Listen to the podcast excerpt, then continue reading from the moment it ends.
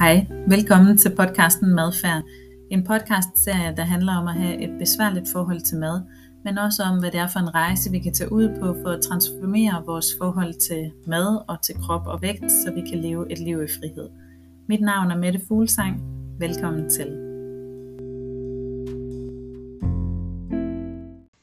Hej og velkommen til. I det her afsnit, der kommer jeg til at fortælle, hvad det er, jeg mener, når jeg snakker om overspisning fordi det er det, jeg arbejder med og hjælper folk med at komme ud af, fordi jeg har nævnt det flere gange tidligere i min podcast, det her ord overspisning, og fordi jeg helt sikkert kommer til at nævne det rigtig mange gange fremadrettet også. Så lad os lige dykke lidt dybere ned i, hvad mener jeg faktisk, øh, når jeg snakker om overspisninger. Fordi det kan være, at vi lægger noget forskelligt i ordet. Øhm, overspisning, det, det ligger egentlig i ordet, at man overgøre noget, altså at man spiser mere, end man har behov for. Men det kan man jo gøre på forskellige måder. Og jeg tror, at en måde rigtig mange mennesker de kan relatere til det på, det er, hvis man er til fest, hvor der er en eller anden buffet, og så kommer man til at spise for meget, bare fordi der var så stort et udvalg af lækker, lækker mad, og man bliver fristet, og så får man ikke lige stoppet i tide, og bliver fuldstændig proppet og får ondt i maven, og måske også for dårlig samvittighed. Øhm, eller hvis det er juleaften. Øh, jeg har hørt eksempler, hvor folk de spiser så meget, at de ikke kan holde til at gå rundt om juletræet, men de må lægge sig hen på sofaen og slå mave i stedet for. Øhm, det kan også være en, en fredag aften, hvor man sidder og ser Disney-show med ungerne, og så har man åbnet en pose slik og en pose chips, og man havde egentlig tænkt sig, at man skulle bare lige smage på det, og lige pludselig så er hele posen bare tømt. Og så synes man egentlig, at puh, det, oh, det fylder godt nok også lidt rigeligt i maven, jeg er helt oppustet, eller øh, man får lidt dårlig samvittighed over, det føler sig lidt skidt tilpas. Det kan også være at overspise. Men de her øh, situationer, jeg lige har nævnt, hvis det er enkeltstående situationer, så er det altså ikke det, jeg kommer til at snakke om i dag. Og det er ikke det, jeg mener, når jeg snakker om overspisning, sådan som en, et problem, et behandlingskrævende problem. Fordi hvis det er enkeltstående situationer, som dem jeg nævner her, jamen så kan det sagtens være en del af en sund og naturlig balance, hvor man bare lige en enkelt dag eller en enkelt aften, eller måske en uge, hvor man er på ferie med all inclusive, så har man nogle udsving, men så vender man tilbage til at spise helt normalt igen, når det bliver hverdag. Det kan jeg også godt komme til en gang imellem nu, selvom jeg har givet slip på mine overspisninger. Øh, og jeg tror egentlig, at rigtig, rigtig mange mennesker, de godt kan, kan relatere til det her, og, og kan komme til at overspise på den måde en gang imellem. Men derfor er det ikke nødvendigvis et problem for en, hvis bare man vender tilbage til normalen igen efterfølgende. Det jeg kommer til at tale om her i dag, og det som øh, jeg arbejder med at hjælpe folk ud af, det er, når det at spise og øh, mad, det er blevet et problem for en, hvor det går rigtig meget ud over ens livskvalitet, og hvor man ikke føler, at man selv kan styre, hvor meget mad man indtager, og hvor man faktisk har behov for hjælp til at slippe ud af det her spisemønster igen. Og jeg benævner det som sagt med øh, navnet overspisning, men jeg kunne også godt kalde det et anstrengt forhold til mad, fordi det er jo den oplevelse, man har af det, at øh, øh, det er rigtig anstrengt at have det her forhold til mad. Det kan også være et kaotisk spisemønster. Der rigtig mange, de øh, øh, kan ikke engang rigtig definere et, et spisemønster. Det er bare kaos. Jeg kunne også bruge udtrykket følelsesmæssig spisning i nogle situationer, fordi det, er, det kommer jeg også lidt mere ind på i dag, men, men meget af det overspisning handler om, det er, at vi spiser på vores følelser. Så det kunne også være øh, trøstespisning, som jo er en form for følelsesmæssig spisning. Det kunne også være stressspisning, jeg bruger som begreb. Øhm, og ellers så kan man snakke om et, et altså forstyrret spisning eller et forstyrret spisemønster. Og hvis det kommer helt ud i ekstremen, så vil man jo have en spiseforstyrrelse. Og den spiseforstyrrelse, der knytter sig til overspisning, den hedder tvangsoverspisning eller på engelsk kalder man den binge eating disorder, eller BED, og det vil der også være rigtig mange, der kender den under. Øhm, og, og så er der jo også den spiseforstyrrelse, der hedder bulimi, og den handler jo også om overspisning. Der er der bare den forskel på øhm, bulimi og på BED eller på tvangsoverspisning, hvis vi lige skal tage spiseforstyrrelserne, øhm, at ved bulimi, der har man de her store overspisninger, og så efterfølgende så kompenserer man ved at øh, for eksempel stikke fingrene i halsen og kaste op, øh, eller øh, løbe, eller tage afføringsmidler, eller på anden måde sådan kompensere for at komme af med det, øh, de kalorier, man lige har indtaget. Hvis man øh, lider af tvangsoverspisning eller BED, så, øh, så har man ikke på samme måde det her kompenserende adfærd. Øh, man tager ikke afføringsmidler, men øh, man stikker ikke fingrene i halsen og kaster op efterfølgende. Så selvfølgelig en af de store øh, konsekvenser, der også er af at have tvangsoverspisning, det er selvfølgelig, at rigtig mange mennesker, der har den her spiseforstyrrelse, de ender med at tage voldsomt meget på af den her spiseforstyrrelse. Det er klart, hvis man spiser rigtig meget mad, og man ikke kompenserer for det efterfølgende. Så alle de her øh, begreber, jeg lige har nævnt, det kan være nogle af dem, jeg bruger sådan lidt i flæng øh, for nogle spisemønstre, der skaber problemer øh, i ens liv. Det, der kendetegner den her måde at spise på, det er, at det er rigtig langt hen ad vejen, så handler det om, at man bruger mad til at dulme nogle følelser med, som man har svært ved at håndtere på andre måder. Så man spiser noget mad, som man reelt ikke har behov for, men for at regulere ens følelser. Eller det kan være for at dække et underliggende behov, som man ikke har lært at dække på andre måder. For eksempel, hvis nu man er, øhm, er træt, når man kommer hjem fra arbejde, og egentlig så har man brug for at sove, men så spiser man måske i stedet for at gå i seng. Det kan være, fordi man ikke tillader sig selv at tage en lur midt på dagen, og så i stedet for, så ender man med at, at spise en hel masse, i stedet for at gøre det, man egentlig reelt havde behov for, nemlig at få en, en pause eller en lur. Og en anden ting, der kendetegner overspisning eller følelsesmæssig spisning, det er, at spisningen den foregår på et eller andet ubevidst plan. Det er altså ikke sådan, at man tænker, puh ja, jeg er godt nok træt lige nu, men jeg vil ikke tage en lur, så vil jeg hellere spise noget. Nej, det er noget, der øh, foregår på automatpilot. Det er en indlært adfærd, som er opstået på et eller andet tidspunkt, og så øh, at, har den udviklet sig over tid, uden at man har, har tænkt over det, og lige pludselig så føler man sig fanget i det her mønster, fordi man egentlig ønsker at tabe sig. Det er der rigtig mange, der gør, når man har de her overspisninger, fordi man jo har taget på af dem. Øhm, og om ikke andet, så ønsker man i hvert fald om noget at slippe af med de her overspisninger, fordi man ikke føler, at man har kontrol over sit spisemønster. Og der er rigtig mange, der beskriver, at, at de føler, at det er, det er bare noget, der sker. De kan ikke styre sig. De kan ikke stoppe sig selv, når de først er gået i gang med at spise. Det er som om, de ikke har nogen stopklods. Og det er virkelig, virkelig ubehageligt at have den der følelse af, at det er som om, der er en kraft, der er noget ydre, der styrer en til at have en adfærd, som man egentlig ikke ønsker. Og det er jo der, hvor man kan snakke om, at det her, det er et misbrug. Det er en afhængighed. Man føler sig simpelthen styret af maden. Man føler ikke, man selv har kontrollen over det og kan stoppe det. Noget af det, der kan være medvirkende til, at den her adfærd den er så svær at slippe ud af, som den er, det er, at der er en masse vedligeholdende faktorer på spil.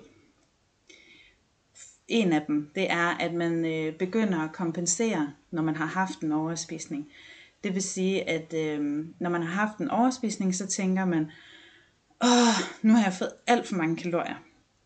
Og, og her skal det lige indskydes, at øh, rigtig mange, der spiser på den her måde, de øh, har også et kæmpe ønske om at tabe sig.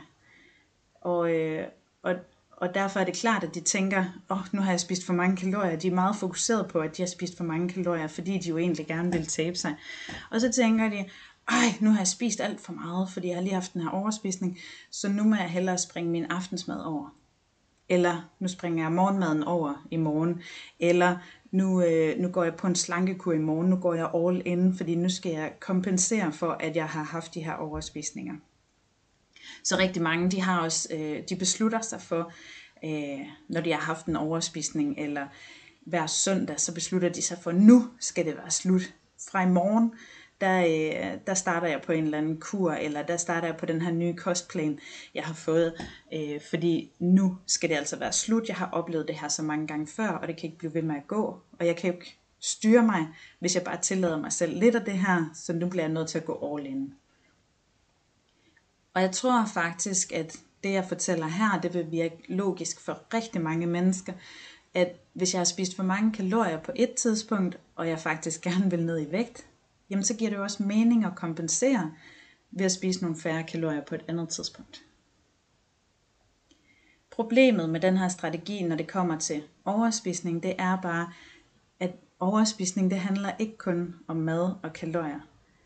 Det handler jo netop om det, jeg sagde lige før, med at man dækker et underliggende behov eller en ubehagelig følelse med mad, og når man så kompenserer ved at skære nogle kalorier væk, jamen så bliver den her trang, man har til at spise, så bliver den bare større og større og større, indtil man til sidst giver efter, og så spiser man.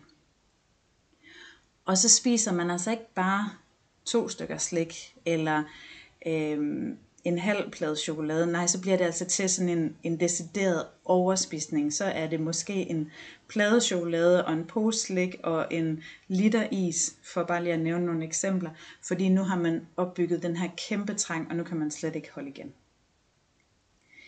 Og altså, som sagt, overspisning det kommer på mange forskellige niveauer. Sådan her kan det foregå, at man får en, en stor overspisning på én gang, men andre de vil opleve det, at de små snakker spiser lidt hele dagen igennem.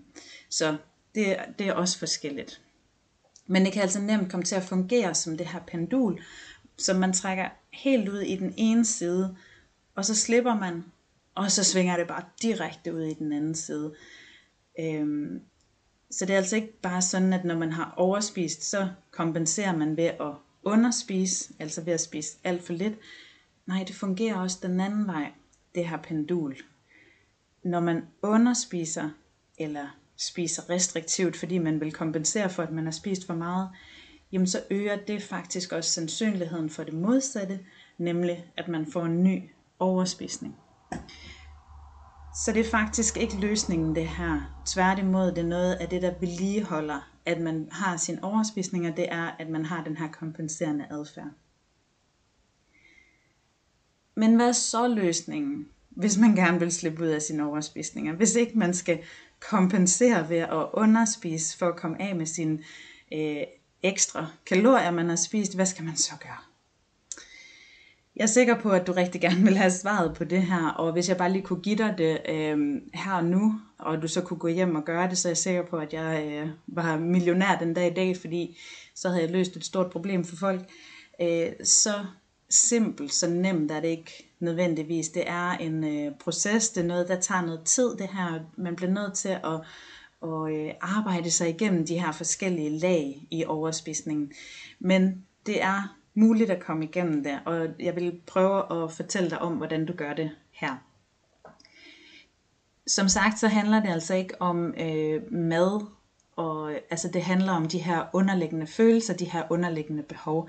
Så det handler altså om at dykke et lag dybere ned i dit spisemønster og begynde at finde ud af, hvorfor du spiser, som du gør. Find frem til årsagerne til, at du sidder fast i det her spisemønster, for så kan du begynde at gøre noget andet. Forestil dig, at du har hovedpine, når du kommer hjem hver dag fra arbejde. Så er, det, så er det jo det, der er dit problem, at du har ondt i hovedet. Og så kan du spise en panodil for at fjerne den her hovedpine, og så er det panodilen, der er din løsning. Og som udgangspunkt, så øh, fungerer den løsning. Det fjerner din hovedpine lige her nu. Og på den måde, så er det jo en fin løsning, hvis det er noget, der sker en gang imellem. Præcis som jeg siger med, med overspisningerne, altså Øhm, du kan godt have en overspisning en gang imellem, men vender du tilbage til normalen dagen efter, så er det jo ikke et stort problem for dig. Øh, men hvis nu du har hovedpine hver dag, når du kommer hjem fra arbejde, og din løsning det er at tage den her panodil, når du har ondt i hovedet, jamen så bliver du over tid, så bliver du mere og mere afhængig af at skulle have de her panodiler, for at du kan klare resten af dagen uden at have hovedpine. Måske bliver du også nødt til at tage to i stedet for en, som du gjorde i starten, eller måske skal du over på noget stærkere smertestillende for at blive ved med at være smertedækket. Og så er det, at vi er ude i noget symptombehandling. Fordi du fjerner den her hovedpine lige her nu, men hvis du kommer hjem fra arbejde hver dag med hovedpine, så er der jo altså en grund til det. Det, det er jo ikke normalt, altså så er der en grund til det. Og i stedet for at blive ved med at symptombehandle ved at tage en panodil, så kunne det give mening at begynde at undersøge, undersøge årsagen til, at du faktisk har ondt i hovedet hver dag, hvor du kommer hjem. Det kunne være, at det er fordi, du drikker for lidt vand i løbet af dagen. Eller måske sidder du for meget ved en skærm og kniber øjnene sammen. Eller måske er din kontorstol indstillet forkert i højden, så du sidder og spænder i dine skuldre og får spændingshovedpine. Afhængigt af, hvad det er af de ting, jeg lige har nævnt, eller noget helt andet, der, der øh, forårsager din hovedpine, jamen så må du sætte ind med forskellige strategier for at forebygge, at din hovedpine den overhovedet opstår i første omgang. Hvis nu du finder ud af, at du drikker for lidt vand, jamen så skal du jo øve dig på at øh, måske have en flaske med til at stå i køleskabet, så du hele tiden får, får drukket noget vand i, i løbet af dagen. Hvis det er fordi, du sidder ved skærmen og kniber øjnene sammen, så kan det være, at du skal til øjenlæge og have fundet ud af, om du trænger til briller. Og hvis det er øh, stolens indstilling, den er gal med, så kan det være, at du skal have en ny stol, eller at du skal måske have den indstillet anderledes i hvert fald. Det kan også være, at du skal have besøg af en ergoterapeut eller en eller anden, der kan hjælpe dig til at få den rigtige arbejdsstilling. Så du kan nok høre, at det er meget forskellige veje, du skal gå, afhængig af, hvad det er, der er årsagen til, at du har din hovedpine hver dag. Men i første omgang, så bliver du nødt til at finde ud af, hvad er problemet, altså hvad er det, der forårsager hovedpinen, før du kan sætte ind med den rigtige strategi. Og når du gør det, så går du fra at symptombehandle, som du gør ved at tage den her panodil, over til at behandle årsagen til, at du har din hovedpine, og så forebygger du, at du bliver ved med at få hovedpine fremadrettet. Hele det her eksempel for at sige, at det er det samme, der gælder, når det handler om overspisning. I stedet for bare at fortsætte med at gøre mere af det, du plejer, altså at skrue endnu mere op for dine restriktioner og dine regler omkring mad for at kunne styre dig og, og kunne styre, hvor meget du spiser, så giver det altså langt mere mening at stoppe op og se på årsagerne til, at du spiser, som du gør. Fordi din slankekur og dine restriktioner og dine regler omkring mad, det er symptombehandling. Fuldstændig ligesom panodilen er det.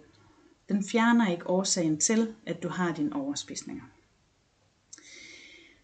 Så begynd at se på årsagerne til, at du spiser, som du gør, fordi så kan du gå fra symptombehandlet til at tage hånd om de her årsager til dine overspisninger, så du forebygger, at din trang den overhovedet opstår, og så du ikke kommer til at falde i de her overspisninger fremadrettet.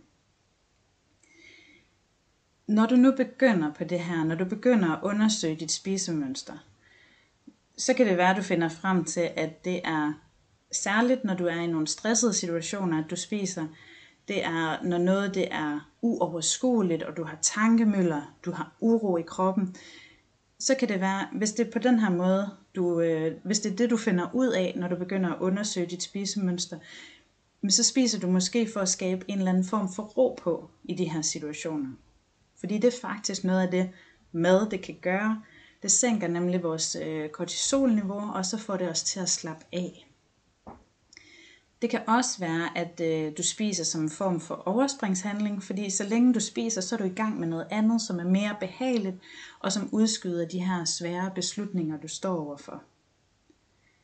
Det kan også være, at du finder ud af, at du spiser, når du er ked af det, eller når du er opgivende, og du synes, at noget er synd for dig. Og så er det jo en eller anden form for, for trøstespisning, at du trøster dig selv med mad. Fordi det er svært at være i de her ubehagelige følelser, og måske også fordi du ikke har lært at trøste dig selv og drage omsorg for dig selv. Eller fordi der aldrig rigtig er nogen, der har været der for dig, når du har haft det, det svært. Og så kan maden være den her ven, vi bruger, øh, når vi har det svært. Fordi når vi spiser, så får vi det lige lidt bedre. Og end kortvejt, men vi får det i hvert fald lige lidt bedre på grund af de her stoffer, der frigives i hjernen, når vi spiser. Der er også nogen, der finder ud af, at de spiser, fordi de keder sig, eller når de skal fejre noget, eller de spiser, fordi de er oversultne, fordi de har kompenseret for en tidligere overspisning, eller noget helt andet. Der er virkelig, virkelig mange ting, der kan få os til at spise, og som slet ikke handler om, at vi er sultne. Fordi mad, det har så mange positive effekter. Det kan få os til at slappe af. Det kan give os den her kortvarige lykkerus på grund af frigivelsen af øh, forskellige stoffer i hjernen. Det kan give os energi, når vi er trætte, og rigtig mange andre ting. Så der er virkelig mange øh, gode grunde, siger jeg i, øh, i situationstegn, til at spise, når vi mærker et eller andet ubehag. Og når jeg siger det i øh, situationstegn, så er det selvfølgelig for, at øh, jo jo, maden den hjælper os jo til at slappe af, og den trøster os, og den giver os energi, eller gør os glade, og alt det her vi nu søger. Men det er jo også lidt en stakket frist. Øhm, det er lidt ligesom at, at tisse i bukserne for at holde sig varm, fordi det er meget, meget kortvarigt, vi får alle de her positive øh, oplevelser med maden. Der er jo også en bagside af medaljen, øhm, fordi det er jo faktisk ikke meningen, at vores følelser og vores behov, de skal håndteres ved hjælp af mad. Og hvis det er det, vi gør, og det ovenikøbet også er den eneste måde, vi har lært at regulere vores stress, eller tristhed, eller træthed på, jamen så ender det jo selvfølgelig med, at vi får spist alt for meget mad og tager på af det. Og det er en af de helt store konsekvenser, der er ved overspisning, at man øh, bliver overvægtig, eller i hvert fald, at, at vægten den stiger, eller at man øh, har jo-jo-vægt. Der er også en masse andre konsekvenser og ulemper ved overspisning. Øh, jeg tror, at de fleste, der kender til den her problematik, de kan genkende, at øh, de skammer sig over det, øh, de har dårlig samvittighed. Øh, der for, for nogen, der går det også ud over deres arbejde eller deres studie, i hvert fald ud over deres koncentration. Det går ud over deres parforhold. Det kan også gå ud over økonomien, fordi man køber så meget mere mad, end man egentlig har behov for. Øh, så der, altså, det er bare nogle af de få øh, konsekvenser, der er ved overspisning. Jeg kunne nævne mange flere. Men en af de helt tydelige og meget direkte konsekvenser, det er selvfølgelig den her påvirkning på vægten. Det er bare øh, ikke alle, der er overvægtige på grund af overspisning. Og øh, det var jeg heller ikke selv. Måske du har hørt min tidligere podcast, eller så kan du gøre det, hvor jeg fortæller om min, min egen oplevelse med, med overspisning. Min egen vægt, den svingede imellem øh, 8,69 kilo og øh, 82 som det højeste. Og jeg er 1,70 meter. Så jeg svingede sådan i normalområdet lige op til begyndende overvægt. Og en af de primære grunde til, at... Øh, der er, at, at både jeg, men også rigtig mange andre, de faktisk er normalvægtige, selvom de har de her overspisningsepisoder. Øh, det er netop det mønster, jeg beskrev tidligere med, at man kompenserer efter en overspisning. Det kan godt være, at man ikke øh, kompenserer på, på samme måde som ved bulimi, hvor man lige efter en, en stor overspisning vil stikke fingrene i halsen eller tage nogle afføringspiller, men så har man perioder, hvor man har overspisninger, og så har man perioder efterfølgende, hvor man øh, øh, træner meget, hvor man går på slankekur, hvor man forsøger at komme af med de her kilo igen. Øh, så for mig, der svingede det som sagt de her 5-10 kilo op og ned hele tiden, men jeg ser også nogle andre, hvor de nærmere svinger 50 eller 60 kilo op og ned. Og så har de en periode, måske et år eller to, hvor vægten den bare stiger og stiger, til de er højere op, end de nogensinde har været før. Og så tager de sig sammen, som det populært hedder, og så kan de i løbet af et halvt eller et helt år være enormt fokuseret og tabe sig det hele og komme mega langt ned i vægt i forhold til, hvor de kom fra. Men på et eller andet tidspunkt, så kan de ikke fastholde det mere, og så ender de med at give slip, og så ryger de i den anden grøft igen og spiser og spiser og spiser. Indtil de har taget det hele på, og måske endda også mere igen. Og så skammer de sig, og så slår de sig selv i hovedet. Og så føler de sig som en fiasko, fordi de tænker, at de er svage, og de ikke har nogen ryggrad, når de mister kontrollen på den her måde. Men det, der er vigtigt at forstå i den her sammenhæng, det er, at det faktisk slet ikke er det, det handler om. Fordi de her mennesker, de har jo enormt meget viljestyrke og enormt meget ryggrad. I hvert fald rigtig mange af dem, jeg ser i min virksomhed. Øh, prøv at tænke over, hvor meget ryggrad, hvor meget viljestyrke det kræver at afholde sig fra det, man virkelig elsker i flere år for at tabe sig 50 eller 70 kilo. Det er jo helt vildt, hvor meget det kræver af en. Men der, hvor rigtig mange de går galt i byen, det er, at de kun fokuserer på toppen af isbjerget. De fokuserer kun på, mængden af mad, de spiser. Altså hvad og hvor meget de spiser. Og de tror, det er det, de skal fokusere på, og kontrollere, hvor meget de spiser. Og så sætter de ind med et eller andet kalorietælling, eller kostplaner, eller den ene kur, eller den anden kur. Fordi så har de styr på, hvad de spiser, og hvor meget de spiser. Og så må de jo tabe sig, og stoppe med at overspise. Og det er jo også det, der sker på kort sigt, og derfor er det jo så dragende at vælge den løsning. Øhm, de taber sig, så længe de spiser på den her måde, så længe de spiser efter den her kur, så længe de spiser efter den her kostplan. Problemet er bare, at de ikke får det integreret i deres hverdag, at de ikke kan fastholde det, fordi de har ikke været nede og kigge på årsagerne til, at de spiser.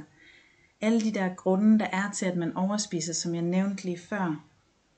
Øh, fordi selvom man ved, hvad man skal spise, og i hvad for nogle mængder, jamen så hjælper det jo ikke noget, hvis det, der får en til at spise, det er, at man er stresset, træt, ked af det, skal fejre et eller andet, skal trøste sig selv, eller hvad det nu kan være.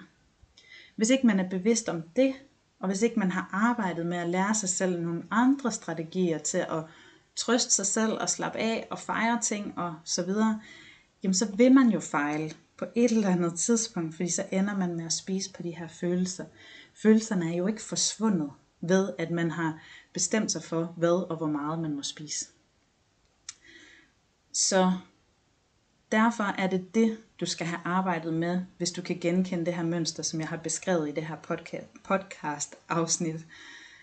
Hvis du kører rundt i den her negative spiral, hvor du enten er på kur øhm, og spiser kontrolleret og taber dig, for så efterfølgende at miste kontrollen og spise alt for meget mad, som du ellers ikke har behov for, og, og tage det hele på igen. Hvis du kan genkende det med, at øh, du spiser og spiser og spiser, og du føler ikke, du har nogen stopklods, og alligevel så føler du dig aldrig helt tilfredsstillet, når du har spist noget. Eller hvis du spiser i skjul, og du skammer dig over dit forhold til mad. Jamen hvis du oplever på den ene eller på den anden måde, at du har et problematisk forhold til mad, hvor du har en følelse af, at du ikke kan styre, hvor meget mad du, øh, du indtager, så er det altså på tide at stoppe op og gøre noget andet, end du plejer. Du ved godt, man siger, at hvis, hvis du gør det, du altid har gjort, jamen så får du også det resultat, du altid har fået. Så hvis du gerne vil noget andet, så skal du også gøre noget andet. Og det andet, det handler altså, som jeg har sagt nogle gange nu, om at blive bevidst om, hvorfor du spiser, fordi så kan du begynde at håndtere de her årsager til din spisning på nogle andre måder end ved at spise. Som jeg også har sagt, så kan det jo godt være lidt komplekst og tage noget tid. Øh, være et stort stykke arbejde, man skal tage igennem. Og på den måde, så kan det jo godt være nemmere på en eller anden måde at forholde sig til, at man bare skal spise efter en kostplan. Det er lidt mere simpelt. Øhm, men jeg oplever faktisk også, at det her stykke arbejde, man går ind i, når man begynder at ændre på sit forhold til mad, jamen det ændrer ikke kun på ens forhold til mad. Det gør også, at man får det bedre med sig selv. Man får et bedre selvværd. Man bliver bedre til at sætte grænser. Man lærer at forstå sig selv bedre, sine følelser bedre. Man bliver bedre øh, til at sige nej, sige fra. Man bliver bedre til at være i kontakt med sine følelser, både de behagelige følelser, men også de ubehagelige følelser. Man bliver bedre til at mærke efter, hvad man egentlig øh, ønsker sig her i livet, hvad ens værdier er. Man bliver bedre til at mærke sine behov og give udtryk for dem. Og man bliver mere ærlig over for sig selv og sine omgivelser.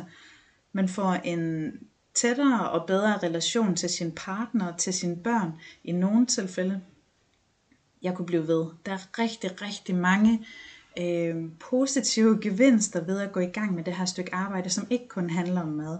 Fordi det er personlig udvikling, vi snakker om her, og der er bare så mange gevinster at hente ved det, som man slet ikke forstår, som man slet ikke er klar over, når man står midt i det her forstyrrede forhold til mad, og det eneste man tænker på, det er, at man bare vil af med de her skide overspisninger og tabe sig.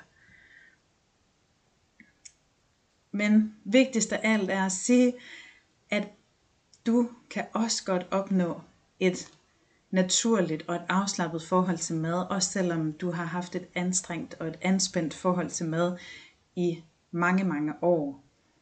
Det handler om at begynde at blive bevidst om din spisemønster.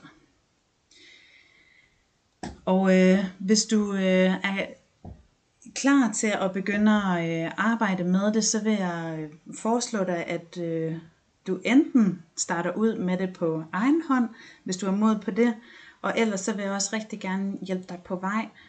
Øh, det kan være, at du er interesseret i et forløb hos mig. Jeg tilbyder noget hjælp online, så øh, du kan få min hjælp uanset hvor du bor i, i Danmark eller i udlandet. Øh, og ellers så har jeg også nogle andre muligheder. Du kan, du kan finde mig på www.mettefuglsang.dk, så kan du læse min bog om, hvordan jeg selv kom ud af min spiseforstyrrelse, og der er også forskellige gratis materiale, du kan, du kan finde der. Og øh, ellers er du også velkommen til at gå ind på min hjemmeside og udfylde den kontaktformular, der, øh, der ligger derinde. Så øh, kan du få en gratis afklarende samtale med mig, hvor jeg øh, spørger dig ind til din problematik og fortæller, hvad jeg arbejder med. Men det kan også være, at øh, du gerne vil arbejde sammen med en anden, eller du vil gerne have fysisk fremmøde hos en eller anden, øh, så kan jeg guide dig i forhold til, hvordan du kommer videre derfra, hvor du står nu. Så uanset hvad, du kan gå ind på min hjemmeside, mettefuglsang.dk, og øh, finde mere materiale, eller kontakte mig, eller gå i gang på egen hånd, eller finde en anden professionel derude, et sted, der kan hjælpe dig med at begynde at dykke ned under overfladen, i stedet for kun at kigge på toppen af isbjerget og symptombehandle, så find modet til at dykke ned under overfladen og kigge på årsagerne til, at du spiser, som du gør, for så kan du begynde at sætte ind med de rigtige strategier. Jeg vil ønske dig alt muligt held og lykke, hvis du skal tage ud på den her rejse her, og øh, tak fordi du lyttede med i dag. Hej hej.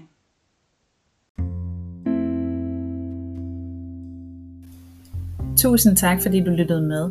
Er du blevet nysgerrig på at se og høre mere fra mig, så kan du finde mig på min hjemmeside, på Facebook og på Instagram under navnet mettefuglsang.dk. På min hjemmeside der kan du også tilmelde dig min nyhedsmail, og du kan finde mine bøger En fri fugl og Der er lys i mørket. Og sidst men ikke mindst, så er du velkommen til at skrive dig op til at følge med her på podcasten, så du får besked om, når et næste afsnit udkommer. Jeg håber, vi høres ved en anden gang. Ha' det godt. Hej.